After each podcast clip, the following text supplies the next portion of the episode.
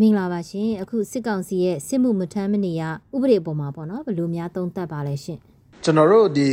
စကားစားရဲ့စစ်မှုမထမ်းမနေရဥပဒေပေါ်လာတာကတော့သူ့ရဲ့နောက်ဆုံးလမ်းကိုကျွန်တော်တို့အယက်သားပြည်သူတွေကိုပါဆွဲခေါ်ချသွားခြင်းတဲ့သဘောမျိုးလို့ကျွန်တော်တို့ယုံကြည်ပါတယ်။သူမနိုင်နိုင်တော့တဲ့အဆုံးမှာ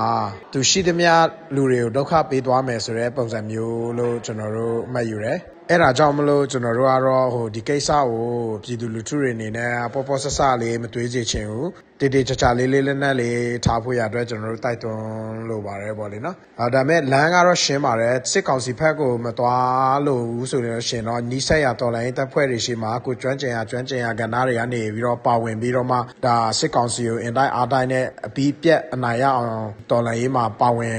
စုံလုံးခုံပါဝင်လိုက်ဖို့ကျွန်တော်တို့ကတော့ဒီလမ်းရှိတာပေါ့လေနော် ဟုတ်ကဲ့ပါရှင်အခု KNDF ကလည်းပေါ့နော်ပြည်သူခုခံတော်လှန်စစ်အတွက်ကိုပြည်သူတွေပါဝင်ဖို့ဘယ်လိုတိုက်တွန်းနှိုးဆော်ခြင်းပါလဲရှင်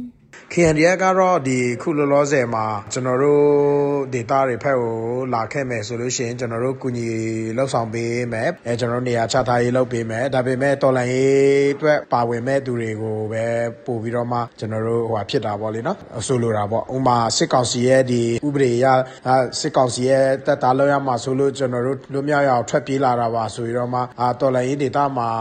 ဘာဒန်လာဖြစ်မဲ့ဟာမျိုးလဲကျွန်တော်တို့လိုတော့မလိုလားဘူးပေါ့လေနော်ကျွန်တော်တို့ဘာဒန်လာဖြစ်ရင်ကျွန်တော်တို့ကတော်လန်ရေးကိုမြန်မြန်လေးဖြတ်နိုင်ဖို့အတွက်ကြံ့ကြာသွားနိုင်တဲ့ဟာမျိုးဖြစ်နိုင်တယ်အဲအဲ့လိုမျိုးခြေနေလည်းရှိတယ်ပေါ့လေနော်နောက်တစ်ခုကတော့ကျွန်တော်တို့ဒီတော်လိုင်း force တွေအနေနဲ့ကလည်းတတိကြကြီးထားမှာက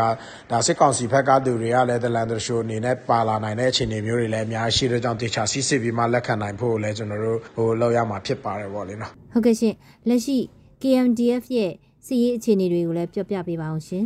KNDF ကတော့လက်ရှိစစ်ရေးကတော့ကျွန်တော်တို့မြို့သိမ်းတဲ့ကိစ္စတွေဒီစစ်ကောင်စီရဲ့ tax can base တွေကိုတိန်းတဲ့ဟာတွေကိုပြင်းထန်ကျွန်တော်လုပ်နေရတယ်အဲဆက်လက်ပြီးတော့မှသွားနေတယ်ပေါ့လေနော်ရလဲရနေတဲ့အခြေအနေတွေရှိတယ်များများဆဆတော့ဟိုစစ်ရေးထူခြားချက်တော့မရှိပေမဲ့ဒါသူ tax can တွေကိုဝိုင်းရံထားတဲ့အနေထားမှာရှိနေပြီပေါ့လေနော်အဲ့လိုမျိုးဖြစ်ပါတယ်ဟုတ်ကဲ့ပါရှင်နောက်ဆုံးအနေနဲ့ပေါ့နော်ပြည်သူခုခံတော်လှန်ရေးအတွက်